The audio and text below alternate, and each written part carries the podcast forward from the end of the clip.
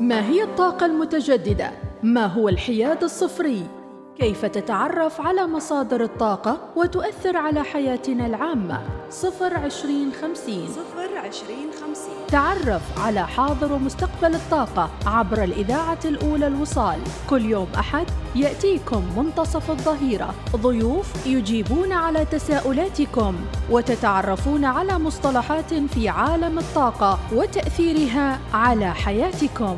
صفر عشرين خمسين. صفر عشرين خمسين. مع مديحة السليمانية كل أحد الثانية عشرة ظهرا. صفر عشرين خمسين. يأتيكم برعاية هيئة البيئة. بيئة نظيفة مستدامة. الوصال الإذاعة الأولى.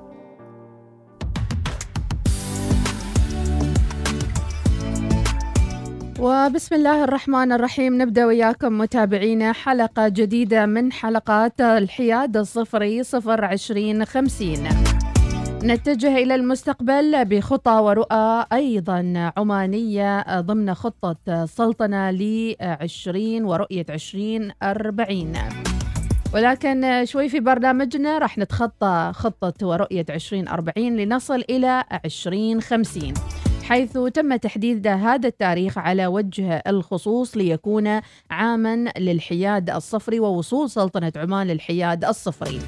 ولنصل إلى الحياد الصفري أكيد هناك مجموعة من العوامل وأيضا البنود والتشريعات وأيضا الجهود التي تقوم بها الجهات الحكومية والخاصة.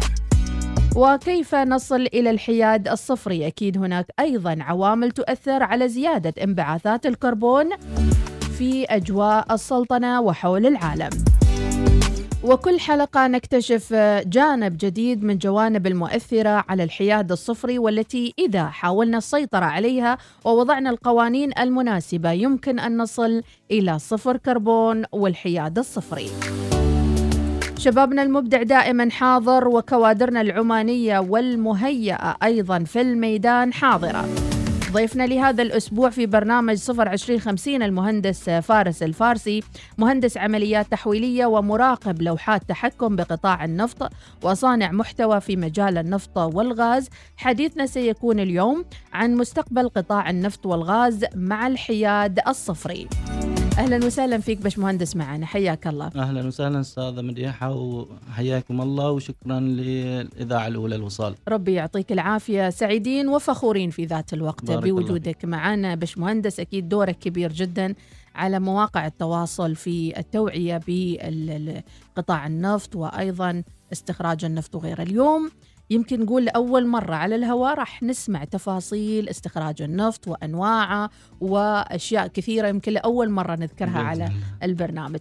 خلينا نعرف جمهورنا أول شيء من هو المهندس فارس الفارسي؟ بسم الله الرحمن الرحيم. بداية فارس الفارسي مهندس نفط وغاز درست هندسة نفط وغاز في الكلية التقنية العليا العليا. وقتها كانت الكلية التقنية العليا الحين الجامعة التقنية وشيء كذا. أو فخورين تعرف؟ إحنا لما نسمع إن طلبتنا خريجين الجامعة التقنية والكلية التقنية في ذلك الوقت من أكفأ الشباب من مهندسين ما شاء الله عليكم. جزاك الله خير. العافيه آه بعدها آه انضميت لشركة Orpic كانت سابقا Orpic الحين OQ آه في مصفات صحار. آه بعدها أخذت اللي هي شهادة البكالوريوس من كلية عمان البحرية آه في العمليات التحويلية. آه الحين موظف في مصفات الدقم آه OQ8 نعم ولكن أيه. اليوم هنا معانا بصفة شخصية بإذن فعلا الله اليوم نعم. أنا أمثل آه نفسي و... وجاي يعني أعطي الناس نبذة عن موضوع النفط ال... الأشياء اللي, اللي جالسين يسمعوها مثلا الهيدروجين الأخضر الأشياء اللي أحاول أعطي شيء يعني من المعلومات شيء من ال... الأشياء اللي تخص عالم النفط والناس تفيدها في في في حياتها تفيدها في مستقبلها في مستقبلها فعلا. جميل جميل جدا. وصار لك تقريبا ثلاثة أو أربع سنوات في هذا المجال. في مجال بشكل عام في العمل المهني في قطاع في العمل المهني ثمان سنوات ثمان سنوات. أيوة. ما شاء الله. أيوة. جميل إنك تتحمل مسؤولية إنك تنشر التوعية للآخرين وأيضا لديك رسالة يمكن إحنا شاهدناها بشكل كبير في ال LinkedIn ويعني الرسائل التوعوية حقيقة وصورتك في ال LinkedIn أنا على بالي واحد يعني صار له 35 سنة في المجال يعني. تبين كبير يا أخي فارس. في الصورة هناك. قول. بارك الله فيك. بالنسبة للينكدين يعني أنا اتجهت للينكدين آه، خاصة أن المحتوى آه، جالس أركز على خاصة المحتوى العربي آه، المحتوى العربي في اللينكدين قليل فجالس أركز على المحتوى العربي في في مجال اختصاصي اللي هو مجال النفط والغاز. أحاول بين الفترات آه، أعمل آه، آه، أنشر معلومات أنشر آه، ملخصات آه، أعمل حتى استضافات آه، في عندي برنامج مسمينه سوالف نفطية آه، ممتاز عبر الزوم مهم. وأحيانا عبر اللينكدين.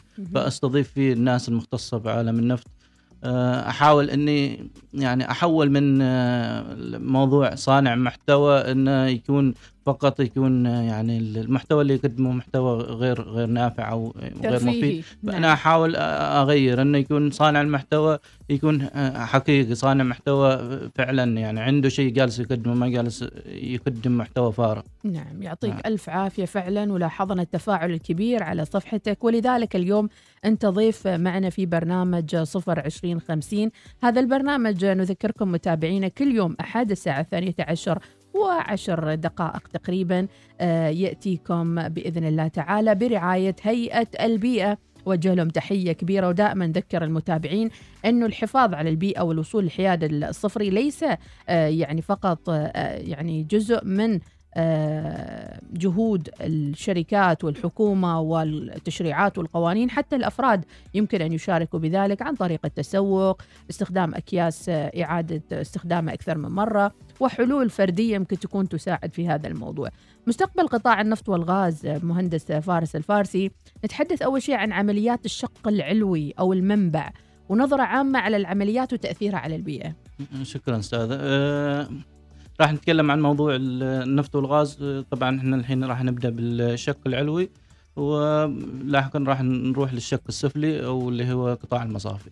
أه بشكل عام النفط يعني اسمحوا لي شوي ما ما هنروح بس في في البيئة بس احاب آه، ألخص موضوع ال- النفط والغاز كيف تكون وإلى آخره و جميل. وتأثيرات تعرف ليش باشمهندس فارس الفارسي اليوم إحنا النفط والغاز هو يشكل 70% فعلاً. من آه، إيرادات الدولة ونعتمد عليه اعتماد كلي وكامل رغم محاولات والسعي للتنويع الاقتصادي لكن ما قادرين نستغني عن النفط. فحلو إن نعرف. يعني من صغار كنا نعرف إن الديناصورات تحللت ها إيش رأيك فارس؟ هل هل هذه الفكرة صحيحة؟ أو يعني وكيف تو- توصلون للشق العلوي آه، والمنبع مثل ما تقولوا؟ يلا بسم الله. بالنسبة للنفط بشكل عام. آه، في أكثر من نظرية بخصوص أصل تكون النفط. مثل ما قلت في بعض من اللي هي النظرية العضوية اللي هي أصلها من كائنات حية آه، بعد ملايين السنين بعد ما ماتت وكذا آه، بدأت تترسب إلى أسفل الأرض ومن ثم بفعل الضغط والحرارة صارت صارت تكون نفط.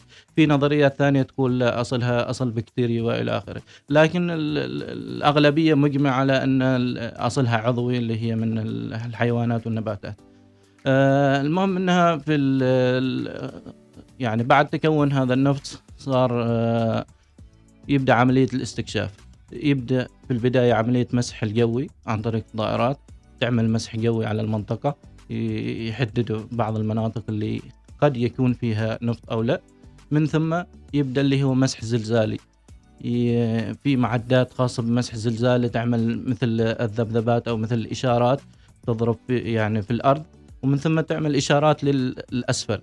فالإشارات تنعكس وفي أجهزة تستقبل الانعكاسات. من خلال ذيك الانعكاسات هم يعرفوا ال- اللي هي نوع الصخور في الأسفل. فهي كل ما كان في أنواع من الصخور ال- اللي هي خاصة بالنفط اللي يحتمل إنه يكون فيها أسفل منها نفط. آه، من ثم يبدأ عملية اللي هي الحفر. آه، في آه، حفر تقريبيات ي- يعملوا أكثر من حفرة تقريبية يشوفوا هل فعلا هنا عندنا مكمن نفط أو لا. آه، من ثم بعد ما خلصوا من آه، الحفر مثلا تأكدوا إنه في فعلا عندنا هنا نفط في في في هذه المنطقة يبدأ عملية الحفر أو اللي هو عملية الإنتاج. آه، خلال عملية الحفر يعني خلال عملية الإنتاج إحنا عندنا يعني اللي هي ثلاث ثلاث أشياء أو ثلاث عناصر اللي- نعم اللي تظهر في في في في عملية الإنتاج. اللي هي يكون عندنا اللي هو النفط وعندنا اللي هو يكون ماء مصاحب مع النفط. وفي عندنا الغاز المصاحب للنفط بالنسبة لل- للنفط خلاص يعني حصلنا عليه ما. مشكلة نعم. هذا أي سائل ويشلونه أيوه مهم. فتبقى المشكلة معنا في الماء مهم. الماء المصاحب والغاز المصاحب مهم. الماء المصاحب يكون أحيانا في نوع من مختلط معه نفط مختلط معه أشياء ثانية آه، خاصة ال- ال- ال- الكيميكال أو الكيمياء الأشياء الكيميائية المستخدمة في الحفر فتكون مختلطة مع هذا الماء فهنا تأثيرها البيئي عاد هنا الماء يعاد استخدامه مم. فعندهم أكثر من خيار خاصة الشباب اللي يشتغلوا في في عمليات الحفر والى. آه ال- الماء ال- في عندنا يقدروا يستخدموا في إنه يرجعوا مرة ثانية لباطن الأرض. وفي إمكانهم يستخدموا في عملية حقن الآبار. آه حقن الآبار هذه آه خاصة إحنا معنا يعني مثلا في السلطنة ال- ال- النفط ما يعني أحيانا بعض الأماكن فيه إن الضغط ماله ضعيف يعني فما يطلع لل يعني ما يطلع لل- للأعلى. بسهولة. فبسبب يبقى الغاز موجود بسبب يعني. اللزوجة فيه أيوه إيه. فهم إيش يعملوا له؟ يعملوا له يعني حقن يحفر آه، جنب الحفرة هذه جنب حفرة ال- النفط يحفروا حفرة ثانية لحقن لحقن المكمن. فيضخوا له عبارة عن ماء اللي هو يعملوا له تسخين يصير بخار يضخوه في في الأسفل كامل في الأرض يعمل يعني تسخين في الأرض يعمل أنابيب وبيبات خاصة بهالموضوع ولا شلون يحقنونه؟ لا اللي هو بس ينزلوه تحت وهو. يتوزع ممتاز. مباشرة فيعمل يعني النفط اللي هو اللزق يصير آه، يعني أقل. أقل يعني سيولة آه تصير فيه سيولة. تصير أيوه. خفيفة يعني. فيصير مم. فيصير سهل السحب. كذلك الغاز. بالنسبة للغاز المصاحب نفس الحركة. أيضا قبل أروح عن الماء الماء أيضا بإمكانهم يستخدموه مثل في شفت في شركة تنمية نفط عمان بيديو بادين استخدموا في زراعة الأشجار.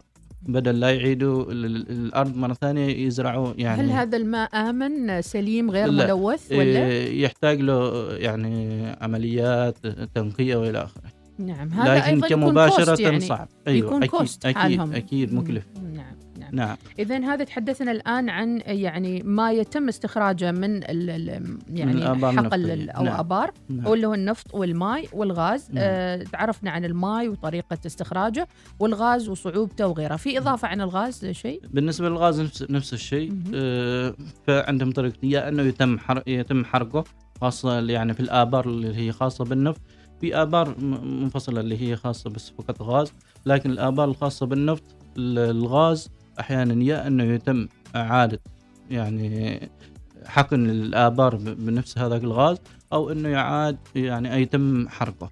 يمكن الاستفادة من هذا الغاز له يعني اسم معين صفات معينة مثلا ميثان أو ما أدري شو آه،. هذا الغاز نفس ال- اللي هو غاز الطبخ غاز الميثان أو ميثان أوه. اللي هو ي- إحنا لازم نسوي إشارة يعني point اسمه حال أم LPG يعني اللي هو الغاز البترولي المسال LPG أيوه. غير ال ان جي ال ان جي هذاك الغاز.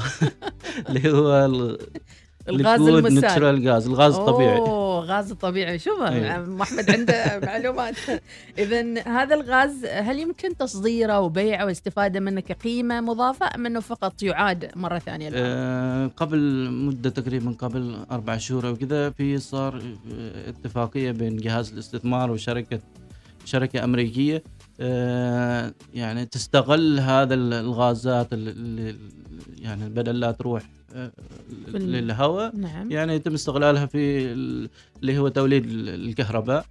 هم راح يستخدموها في عمل اللي هي ال- السحابي أو اللي هي التخزين السحابي وإلى آخره نعم. آه، عن طريق الكهرباء المولدة عن هذه ال- اذا في مشاريع أخرى ممكن أن تظهر ويستفاد منها من من هذه الأشياء اللي تنتج من آه، حقول النفط والغاز. اذا نعم. هذه كانت عمليات الشق العلوي أو المنبع وخذينا نظرة عامة عن العمليات وتاثيراتها البيئية. ومثل ما ذكر المهندس فارس الفارسي انه يتم الاستفادة بقدر الإمكان وإعادتها للطبيعة وأيضا تجنب أي آثار سلبية. آه، وتعرفنا على كيفية التخلص من الغاز والماء المصاحبين. نزع الكبريت من الغاز. ما هي آلية هذه ال- المرحلة ولكن خلينا ناخذ فاصل وبعدها نرجع ونكمل معاكم متابعينا حلقتنا لليوم حلقة مهمة جدا واعتقد حتى يعني عامة الجمهور لما يسمعون الحلقة اليوم راح يستمتعوا بكمية المعلومات عن استخراج آه، النفط والغاز وأيضا هالجانب اللي يمكن نقول عنه يعني مجهول بالنسبة لنا نعرف سعر البرميل. آخر شيء عاد نعرف س... وحتى شكل البرميل ما نعرفه. عاد. بي- بيشرح لنا فارس الفارسي بعد شوي ما هو شكل هذا البرميل اللي نسمع عنه وعمرنا ما شفناه. بعد فاصل مع الحياد الصفري صفر عشرين خمسين.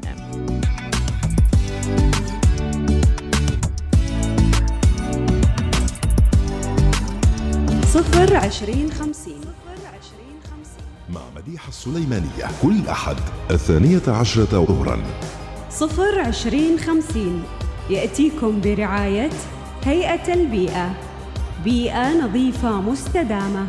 الآن أصبح بإمكانك الاستمتاع باللعب والترفيه مع عائلتك وأصدقائك تحت سقف واحد في بركة Grand Center استمتع بتجربة مثيرة. جدران المرح مسار النينجا الترامبولين. بمعايير أمن وسلامة عالية في Fantopia. شاهد فيلمك المفضل في Wow Cinema. واحد من أفضل وأفخم صالات العرض في السلطنة. الوجهة المفضلة للمتعة والترفيه لدى الجميع زر Fantopia و Wow Cinema في بركة Grand Center. ورجعنا لكم متابعينا بعد هذا الفاصل. نستكمل وياكم آه، يعني محاور حلقتنا لليوم مستمتعة جدا بالضيف الموجود معنا اليوم المهندس فارس الفارسي مهندس آه، عمليات تحويلية مراقب لوحات تحكم بقطاع النفط وصانع محتوى في مجال النفط والغاز. يعني أنت نقول عن المؤثرين social media ها؟ لا لا بعد- بعدني ما وصلت. أنت في ال LinkedIn حقيقة مسوي هذا الدور. بأمانة يعني نحتاج إن الناس تكون تخصصية ولها دور آه، مهم في هذا الجانب. لماذا LinkedIn ولم تذهب إلى الإنستغرام أو تويتر أو غيره. صراحة البداية كانت في الإنستغرام لكن مثل ما تعرف الإنستغرام ما يعني ما يخص العمل يعني في أغلبه يخص الحياة الشخصية الناس تسافر الناس تعيش حياتها. فأنا أجي أستخدمه في شيء يخص العمل تحس شوية يعني الناس ما ما بذاك الاهتمام يعني ما, ما كثير مهتمين. لكن ال LinkedIn هو اختصاصه كذا يعني شغلته أشياء تخص العمل تخص الوظائف تخص تطوير يعني التطوير العملي وإلى آخره. فهناك حصلت المكان المناسب اللي الناس أصلا فعلا جاية تتعلم جاية تستفيد. نعم. فقليل الناس هناك في ال LinkedIn جالسة تحط يعني في ناس صح يعني يحطوا مثلا صورهم الشخصيه وكذا لكن بالمجمل ناس جالسة تستفيد جالسة تحط أشياء تخص العمل تخص تطويرهم التطوير الوظيفي تخص أشياء هم جالسين يسووها في في نطاق الوظيفة، نعم. نعم. أغرب ال- ال- الرسائل أو التفاعلات اللي جاتك سواء من عمان أو من خارج عمان؟ تبتسم في شيء شيء غريب يعني مستوي. صراحة يعني كمية كمية رهيبة من الرسائل وال والاشياء اللي توصلنا لكن يعني اللي يستصعبني صراحة اللي هو موضوع الرسائل باحثين عن عمل. مم. يعني أنا يعني ما أرفضه لكن يعني تحس بنوع من يعني عدم القدرة ان انت هو يشكي لك الحال لكن بنفس الوقت أنت ما يعني ما بامكانك خاصة يعني غير صورتك صدقني. حط صورة اللقاء مع الوصال اليوم. خلاص صدقني. الصورة لها دور يعني دور كبير بالموضوع. فهذا ص- صراحة فالباحثين عن عمل كثير أيوة يجونك أيوة. يعني. لكن في. ناس آه، يعني يبعثوا له رسائل مثلا يريد مثلا ملفات يريد استشارة يسأل. مم. حتى في بعض منهم عن LinkedIn كيف إني أطور نفسي في ال LinkedIn وإلى آخره. ممتاز. فأنا أحاول قدر الإمكان يعني أساعد اللي أقدر عليه. هل تتمنى دورك يتعدى كونك في ال LinkedIn وتطلع إلى الواقع مثلا في مؤتمرات مثلا مؤتمرات النفط والغاز أو تكون متحدث أو يعني تخرج إلى الواقع بشكل أكبر؟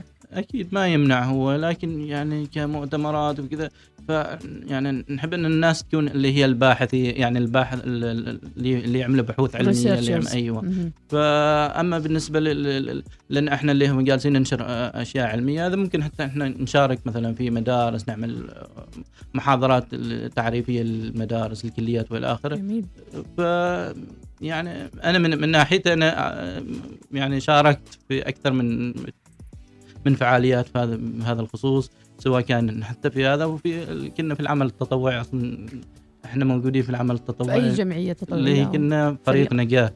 فريق نجاة. أيوه اللي هي حصلنا على جائزة سلطان قابوس للعمل التطوعي في 2013 وفي كان عندنا يعني أكثر من مختص في ويش الفريق؟ اللي هو كنا الطقس الطقس والمناخ من الطقس والمناخ إي نعم وجه تحيه لكل الفريق ويعني عساكم على القوة فعلا آه،. يعني جميل الواحد يجمع أكثر من اهتمام من اهتماماته. وهذا ما يقلل أهمية شغلك وصعوبته ترى أشغالكم جدا صعبة يعني. تجينا مشاركات في صباح الوصال كثير يقولوا أنتم مسلينا في في الرقص يعني في, في. الميدان صحيح لأن فترة أسبوعين بعيد عن الأهل وطبيعه العمل شوي صعبة. أكيد أكيد. نعم يعطيكم ألف عافية. تحية لكل اللي يتابعنا من مهندسين النفط والغاز ونقول عساكم على القوة إن شاء الله. يعني جهد كبير وعناء وتعب وعساكم دائما كذا ذخر للوطن. تكلمنا عن آه، البارل أو البرميل هذا. تشوفون أنتم هناك ولا؟ لا شوف بالنسبة لل البرميل هذا شو قصته؟ هذه يعني نوع من. أنواع القياس. لكن هو في الواقع يعني يتم نقل النفط من مثلا من الصحراء أو اللي هو من الشق العلوي مهم. إلى الشق السفلي اللي هي المصافي عن طريق الأنابيب. فسالفة ال- ال- البرميل هذه بس نوع من أنواع القياس أما مم. هو ينقل عن طريق ال- ال- الأنابيب يا سلام آه، فممكن حتى نروح للشق اللي هو الشق السفلي. فهناك عاد اللي هو ال- البرميل النفط إيش إيش هيتكون آه لما بتكلم عنه بعد شوي. نعم. نعم. إذا نرجع إلى ال- الشق الع- العلوي أو المنبع اللي وصلنا إلى نزع الكبريت من الغاز. نعم. كيف الطريقة؟ آه، بالنسبة للكبريت آه، هدفه بيئي. آه، عملية نزع الكبريت اللي هو نسميه السلفر. آه، هدفه بيئي إنه يسبب اللي هي الأمطار الحمضية في في التربة يكون ولا في الغاز العلوي؟ على شكل غاز على شكل غاز ف يعني لما تصير أمطار أو شيء فيصير مطر كيف حمضي تنزعون عيل؟ آه عملية النزع اللي هي عندنا وحدات خاصة ب- ب- بنزع الكبريت. آه هذه الوحدات آه اللي هي نحول اللي هو الكبريت إلى آه اللي هي مادة صلبة اللي هي الكبريت لونه أصفر يكون عن طريق فلتر موجود فوق شو اسمه ذي ولا عم؟ عملية كبيرة اللي هي إحنا نسميها آه شو؟ المشكلة إن أنا بالإنجليزي قول أكثر قول, قول بالإنجليزي قول فإحنا عندنا اسمها sulfur recovery unit أو اللي هي وحدة استخلاص الكبريت آه. آه نحول تكون ضمن بنية ال- ال- ال- ال- ال- شو اسمه الأنابيب ال- هذه النفط ولا كيف؟ شوف بالنسبة لل- للنفط يكون مع مرافق غاز اسمه H2S أو غاز كبريتيد الهيدروجين. هذا هذا غاز آه، سام قاتل. ف نرسله إلى وحدة اسمها وحدة نزع الكبريت. sulfur. أيوه وحدة مهم. آه ف آه يصير تفاعلات آه عن طريق ال- الحرق. في البداية نحرق ال- اللي هو ال H2S أو غاز كبريتيد الهيدروجين بالإضافة إلى نضيف له اللي هو الهواء أو الأير. فيصير اتحاد بينه وبين ال- الأكسجين. هذا كله في عمان يستوي؟ هذا شيء بسيط. بس يعني هذا شيء بسيط بعد تقول لي. هذا شيء بسيط بعد هذا خطير ما هذا وصلنا. يعني يعني فهذه طريقة نزع الكبريت من الغاز مثل ما قلت أيوه، طريقة لحماية البيئة فعلا. وتجنب الأمطار الحمضية. صحيح. موضوع يعني فيه تفاصيل عودة لكن إحنا. بنختصرها. طيب كيف تستغلون الغازات المنبعثة من الشعلة نفسها؟ إحنا أيوه. نشوف لما نمر كذي نستأنس على الشعلة ما نعرف إن في أشياء سامة هناك. شوف بالنسبة للشعلة بشكل عام يعني هي في الأساس ال- ال- مثلا أحيانا يصير آه، مثلا انقطاع في التيار الكهربائي أو مشكلة في في في المحطة أو في في الوحدة اللي شغالة. فالغازات هذه بدل لا تظل موجودة داخل ال- ال- الوحدة لضمان إنها ما تعمل مثلا انفجار أو يزيد الضغط هناك. فمباشرة تروح إلى ال- الشعلة. الشعلة ممتاز فهناك في الشعلة يتم حرقها مم. الهدف من الشعلة إنها آه، يعني تخفف من الضغط من- أيوه الغازات تخفف من الضغط وأيضا مم. تحرك ال- ال- الأشياء اللي اللي, مم. طالعة وهذا اللي إحنا ما. نريده في الحياد الصفري أيوه هذا اللي ما نباه يعني الشعلة دي تخف شوي فعلا مم. فهذا مثل ما قلت مثل ال- ال- الاتفاق اللي صار مع جهاز الاستثمار مم. متفقين مع شركة إنها تستغل مثل هذا اللي هن الشعلات سواء كان في المصافي أو في زين هو نار وحريق يعني كيف بيسيطروا عليه؟ والله يعني- هذا عاد شركة أمريكية فما أعرف صراحة إيش نظامهم إيه. لكن هم يستغلوا الغازات ال- يمكن يعملوا بطريقة فلاتر معينة والله ما صراحة، لحد الاحتراق ما سمعنا صراحة. سمعت حاجة زي كذا إن في شركات تعمل فلاتر فوق ال- الشعلة أو بمسافه طويلة بحيث أنا ليش مودي يدي فوق ما أعرف صراحة انزين خلونا ننتقل الآن إلى آه، نقطة أخرى من عمليات استخراج النفط في السلطنة مع المؤثر في هذا الجانب وصانع محتوى في مجال النفط والغاز لأول مرة يظهر معانا ويتكلم عن هالتفاصيل واختار منصة لينكد إن ليكون آه يعني هو المكان اللي يضع فيه محتوى في مجال النفط والغاز. صفر عشرين خمسين يأتيكم برعاية هيئة البيئة. نوجه تحية لكل اللي طالعين للتسوق ورايحين يشترون أغراضهم. أه ونقول للجميع قد تكون أنت من يحقق الفارق عن طريق آه، تغيير أسلوب حياتك وتخفيف استخدام الأكياس والعلب وغيرها من الأشياء القابلة للتدوير. نحن مقبلين على أعوام يمكن تكون صعبة جدا مع زيادة الكثافة السكانية في كوكب الأرض. واحتياجنا للنفط والغاز مثل ما إحنا عارفين رغم كل محاولات الدول حول العالم ولكن يبقى النفط والغاز هو أساس تقدم الدول. تخفيف من سلبياتها هو واجب. الشباب وأيضا الشركات المختلفة بأفكار إبداعية مميزة. ضيفنا المهندس فارس الفارسي. مهندس عمليات حياك الله حياك مهندس الله أستاذ. ربي يعطيك الصحة والعافية وسعيدين وفخورين جدا بجهودك وإن شاء الله دائما آه، إلى الأمام. الشق السفلي للمصافي الآن. راح ناخذ نظرة عامة وتأثيراتها البيئية أيضا ومن ثم ننتقل لمحور آخر. آه خلاص الحين إحنا النفط انتقل من الشق العلوي إلى الشق السفلي عن طريق الأنابيب خاصة مثلا هنا في عمان نستخدم اللي هي الأنابيب في بعض الأماكن لا يستخدم اللي هي السفن ال- في نقل مباشر. أيوه لنقل النفط من الشق العلوي إلى الشق السفلي أما هنا معنا عن طريق الأنابيب من الصحراء إلى. ميناء الفحل من ميناء الفحل إلى ميناء صحار. فهذا خط خط عمان آها يعني الآن مثلا ال- ال- ال- الرجز هذه اللي موجودات في نعم. وسط الصحراء في أيوة. الوسطى في ثمريت في نعم، غيرها من نعم. الأماكن من هناك إلى ميناء الفحل أو ميناء صحار مم. أنابيب تحت الأرض فعلا. وهذا ما يسمى الشق السفلي من نقل النفط؟ النقل يكون الشق الوسطي أو اللي هو الوسطي. ال midstream أيوه okay نعم. أيوه. فالشق السفلي عاد وصولها إلى المينا أيوه نفسها. في العمليات المصفاه وكذا هي اللي. هي اللي تكون الشق السفلي. أعطينا نظرة عامة. آه خلاص وصلنا إلى ال- المصافي اللي هو وصل النفط إلى المصافي. آه هناك يتم عاد الفصل. إحنا جاي لنا نفط كامل. يعني ممتزج. فالنفط راح يتكون من عندنا مثلا إحنا كيف نحصل على مثلا ديزل مثلا ال- ال- الب- البنزين العادي بنزين 95 91 كل ذا عندكم LPG اللي مم. هو غاز الطبخ كيف مم. نحصل حتى على ال- ال- الأسفلت اللي هو خاص بالشوارع اللي هو القار أو القار. بال- اللي هو ال tar الزفت أيوه عادي ف- ترى يسمونه زفت هو. أيوه فهو ال... فهو كل هذه المكونات موجودة تبدأ في تطلع عاد أيوة. هناك فهناك- تتفصل أيوه. فهناك أول ما يوصل يتم يعني هي عمليات كثيرة لكن بالمختصر اللي هي يتم تسخينه في البداية مم. ومن ثم يدخل في في برق التقطير نسميه برق التقطير اللي هو يتم فصل العناصر عن طريق اللي هي درجة الغليان اللي هي درجة غليانها عالية تروح للأعلى اللي هي مثل غاز الطبخ تروح مرة مباشرة. تطاير يعني أيوه مهم. اللي هي تروح للأعلى مثلا البنزين يكون في الوسط ال- الأسفلت مثلا تحت في, ال- في, ال- في الأرض وليش كبير. 95 رخيص آه يعني قصدي 91 ديزل شيء كذي ليش يعني هو النوعية ولا كيف يعني اللي هي شوايب؟ 95 و 91 بالنسبة لعدد الأوكتان اللي هو الأوكتان أوكتان. أيوه مهم. آه ف نقاوتة يعني. أيوه لا هي مش نقاوت اللي هي شوف مثلا بعض السيارات تناسبها 95 بعض السيارات تناسبها 91 ليش؟ لأنها مصممة على 91 في بعض منها مصممة ل 95 ف يعني حتى إذا السيارة مصممة ل 91 وأنت تقطع بها 95 فما ما راح تستفيد ذيك الاستفادة. لأن أصلا السياره نوعية المحرك ونوعية ال- الأشياء اللي موجودة مخصصة لل- من ذاك لهذا الغاز. ف- طيب ناخذ بريك وبعدها مكملين معاكم متابعينا مع برنامجكم صفر عشرين خمسين. الوصال الإذاعة الأولى.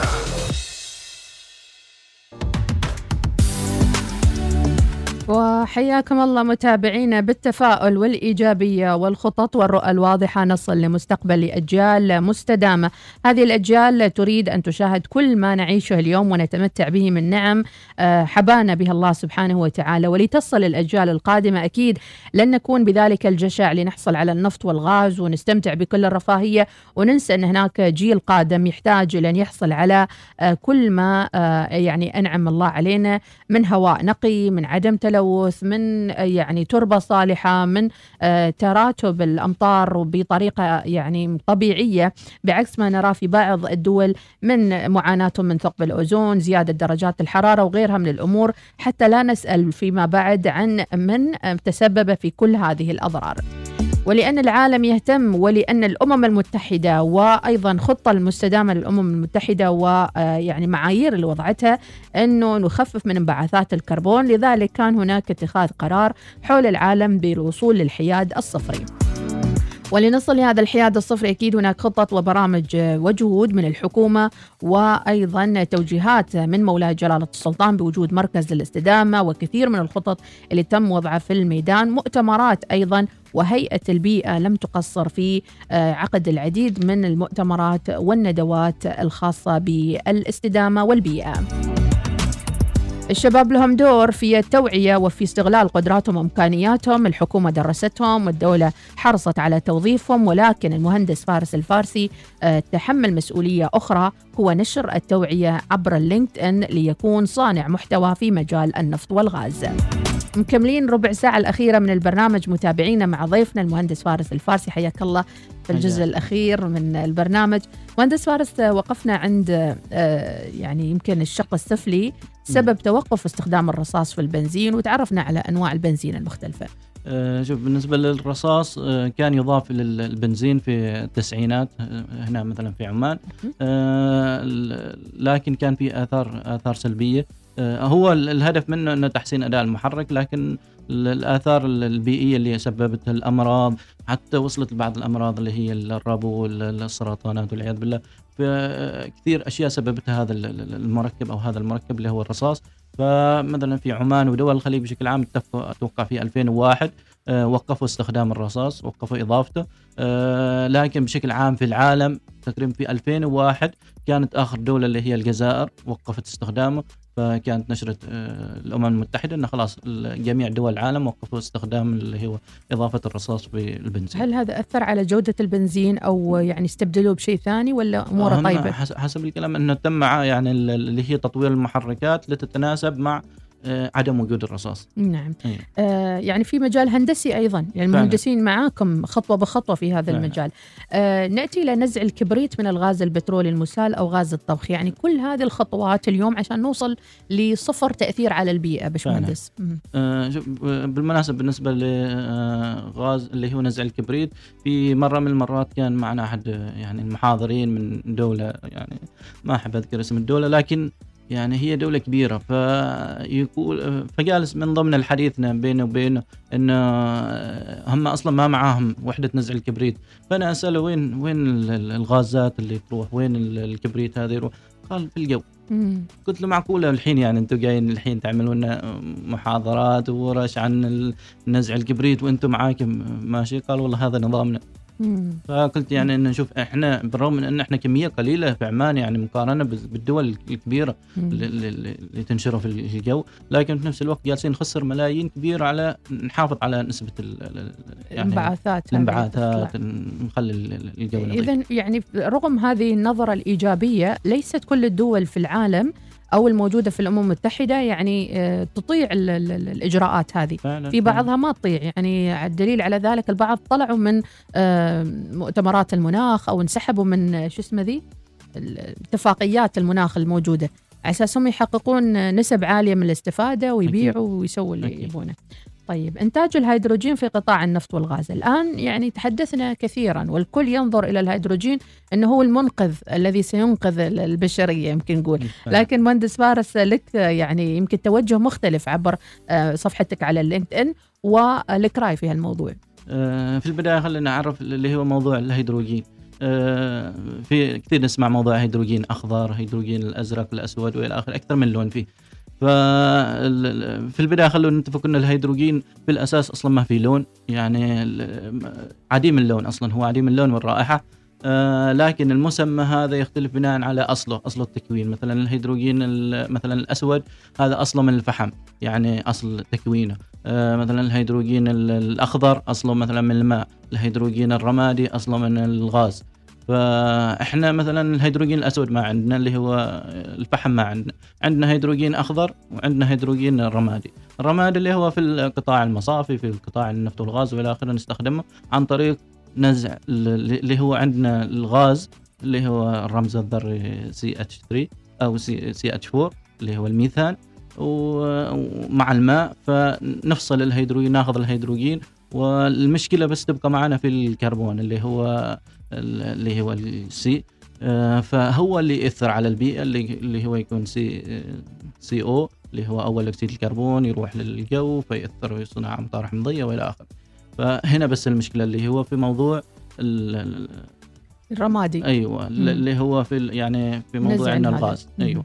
آه، لكن ك ك ك يعني تكلفته تعتبر أرخص جدا مقارنة بالهيدروجين الأخضر. لكن الهيدروجين الأخضر إيش نظامه؟ نظامه ان أنا عندي ماي اللي هو رمز الذري H2O فإحنا نريد ال H بس اللي هو الهيدروجين نفصل الهيدروجين تبقى الماء. ال O ال O الأكسجين يروح للجو.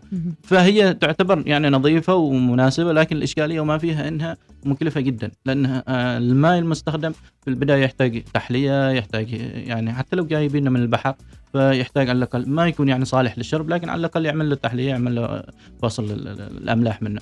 آه شيء ثاني آه لازم تستخدم اللي هي ال- ال- توربينات الرياح آه العمل الطاقة الكهربائية اللي هي طاقة تعمل- نظيفة تكون أيوة، على أساس إنك. تطلع الماي هذا كمجمل هي تعتبر ممتازة لكن مم. كتكلفة تعتبر جدا غالية يعني مقارنة بال- بال- بالغاز لأن إحنا معنا الغاز خاصة مثلا في السلطنة معنا الغاز يعني نوعا ما رخيص جدا يعتبر فتكلفة إنتاج الهيدروجين الأخضر مقارنة بالهيدروجين الرمادي يعتبر يعني مكلفة مكلف جدا. جدا. وفي نفس الوقت أنت كم بتبيعه حال المستفيدين أكيد، يعني ما أكيد. ممكن أنت ترفع سعره عشان تحقق الفائدة من وراه فعلا. يعني في هالحالة أنت يعني خسرت يعني البروسيس للحصول عليه ولكن بيعه يعني يمكن ما يجيب لك عوائد فعلا. مم. وبالنسبة لي يعني وجهة نظري يعني هذه مغايرة يعني لل... للإيجابيين لا لا أيوه الإيجابية واصلا لل- للتوجه إلى آخره. نعم. يعني أنا من رأيي يعني من رأيي كشخص يعني. كمهندس. أيوه okay. نعم. آه، أشوف إن يعني الهيدروجين الأخضر إحنا ما محتاجينه. إحنا عندنا الهيدروجين الرمادي بإمكاننا نستغل مثلا ال- ال- ال- الغازات هذا اللي, اللي تطلع سواء في استخدام إعادة استخدامها في شيء معين. الحين طالعة شركات يمكن آه، استضفته قبل مده اللي هي 44.01 اللي هم يعملوا استخلاص الك- الكربون ويحولوه إلى صخور. آه، مهندس ماهر بعد الحبسي أيوة، نفس الشيء هم يعني كثير الحيوي، الشباب ديزل أيوة. الحيوي ف يعني بإمكاننا إحنا نستغل اللي هي التقنيات الموجودة لكن ما نحاول نطورها بدل لا باشمهندس نتجه انه يمكن هم بس على أساس إنه يواكبوا دول العالم ويمكن إنه هذا يعطيهم كريدت أكبر. أكيد كأنهم استعملوا شيء جرين يعني مثل ما كانت طاقة الرياح قبل والشمس وغيره وبعد ذلك اكتشفوا إن أصلا مواردها ليست بذاك ال- التوقعات اللي حطوها. فعلا حلقتنا فعلا سريعة ولكن معلومات أعتقد أنها يمكن تكون محاضرة حقيقة لندوة آه، لا للأمانة والله. باشمهندس فارس. ويمكن ذكرت أنت قبل أنك تتمنى أنه يكون في مزيد من التوجه للمدارس وتوعية الشباب والطلبة بهذه المواضيع وأنتم كوادر آه، ما شاء الله عليكم عمانيه وتستحق آه، كل الدعم بإذن الله. آه، تكلمنا عن الهيدروجين ولكن الآن سؤال أخير كذا نختم به الحلقة، الفرق بين السيارات المستخدمة الوقود الأحفوري والبنزين وبين السيارات الكهربائية واللي تعمل بالهيدروجين. آه شوف عندنا اللي هي ثلاث أنواع سيارات تعمل بالهيدروجين سواء كان هيدروجين أخضر ولا هيدروجين ألوان المهم إنها تعمل بالهيدروجين. ال- ال- اللي هي يكون الهيدروجين والإضافة إلى ال- الهواء أو الأكسجين. فيصير تفاعل أو يعني ال- ال- المنتج النهائي أو ال- العوادم تكون عبارة عن آه، ماء أو إنها تكون أكسجين. فهذه تكون صديقة للبيئة لكن مشكلتها في انه يحتاج ان نعمل آه، مصانع خاصة بالهيدروجين آه، محطات خاصة بالهيدروجين نحتاج نعمل سيارات أشياء هيدروجين أيوة سيارات كل هيدروجين. منظومة في جديدة. كانت سيارة كانت جابوها في معرض قبل شهر تقريبا شفناها قال تقريبا بحدود 30 ألف قيمتها قيمة مم. السيارة فسعرها يعتبر غالي لحد ما آه، بالنسبة للسيارات مثلا الكهربائية آه، يمكن توجه الحين أكثر في السيارات الكهربائية يمكن نشوف في أغلب الأماكن الحين بدأ يعمل محطات كهربائية الإشكالية وما فيها هذه ما في ما تكون فيها عوادم يعني ما فيها غازات تظهر منها صفر. لكن الإشكالية وما فيها اللي هي فترة التعبئه تحتاج أحيانا ثمان ساعات يعني ثمان ساعات أنت عشان تفول السيارة بعدها مرة تحتاج ثمان ساعات يعني لمدة مثلا آه، يعني ما 500 تطلع من بيت. البر يعني. يعني تظل في نفس نفس. المنطقة أيوه أما بالنسبة للنوع الثالث اللي هو السيارات العادية اللي هي لكن الإشكالية وما فيها اللي هو عندنا إحنا اللي هي لل- وقود أيوه الأحفوري. الوقود الاحفوري عباره عن هيدروكربونات اللي هو. هيدروجين كربون وعندنا ال- الأكسجين فعند التفاعل في العادم يكون يعني اللي هي الكربون فاللي. هو أول أكسيد الكربون فهنا المشكلة اللي هي في أول أكسيد الكربون تقريبا إحنا أغلب مشاكلنا في اللي هو أول أكسيد الكربون وثاني أكسيد الكربون اللي هي. مشاكلنا البيئية يعني بشكل عام هنا أيوه نعم أما وبما باقي- إنها رخيصة أو يمكن يقول يسترخصون طريقة استخراجها وغيره وما تحتاج إلى التزامات صحيح يعني السيارات already موجودة والمحطات موجودة واستمروا في الموضوع فعلا. ولكن البيئة في المقابل هي اللي تتأثر في الموضوع أكيد. أكيد. خمس دقائق قبل نهاية البرنامج أكيد يعني استمتعنا وأضفنا للجمهور كثير من المعلومات القيمة كلمة أخيرة باشمهندس فارس الفارسي بداية شكرا يعني على هذه المساحة ويعني هذه إضافة للي جالسين نعمله في, في ال LinkedIn أه وأتمنى أكون أني وفقت في, في على الأقل إعطاء المجتمع أو الناس شيء بسيط من عن عالم النفط والغاز. أه شيء ثاني أتمنى من يعني آه، بركز على موضوع ال LinkedIn موضوع الشباب. آه، في كثير شباب يقول لك أنا والله طالب جامعة أو يعني طالب كلية أو لا زلت. فكيف أني أنا ممكن أقدم شيء في اللينكدين يعني كيف أني أنمي مثلا من المعلومات اللي أنشرها؟ أنا ممكن أقول لك إن أنت كطالب جامعة ممكن تقدم أكثر من اللي إحنا نقدمه. إحنا مثلا كموظفين ما عندنا تركيز أصلا تركيزنا أحيانا يكون على الوظيفة اللي إحنا فيها المعلومات اللي إحنا فيها الأشياء اللي تخص الدراسة ممكن تقريبا نسيناها. فأنت لكن في مقا- مقاعد دراسة عندك معلومات عندك أشياء جالس تدرسها بإمكانك تنشرها للناس تنشرها للمجتمع. آه، ال- الحين التوجه الحين في في LinkedIn يعني بعض الشركات ما تحب تنزل تنزل إعلانات. تحب إنها تتواصل مباشرة مع كم من شخص كم كم شخص. تواصل معهم وياخذ تبحث عن. الوظائف أيوة. في- ال LinkedIn حتى يعني. نتواصل مع أكثر من من شركة عن طريق ال LinkedIn. ف يعني ما ما, نقول إن. ال LinkedIn يعني ما منه فائده أو إنه ما راح يضيف لي شيء من غير انه سالفة الوظائف إن أنا كل ما أنزل معلومة أنا لازم أبحث عنها جالس أبحث فأشياء أنا ما كنت أصلا أعرفها لكن عشان أنزل كل معلومة جلست أبحث أحاول أبحث كل مرة أحيانا ياخذ بالساعات لغاية ما يعني تتحقق من. من المعلومه لأن كل معلومة تنزلها أنا محاسب عليها محاسب نعم. فعلا الله يعطيك العافية باش مهندس وإن شاء الله منها إلى أعلى المراتب نعم. الله تعالى.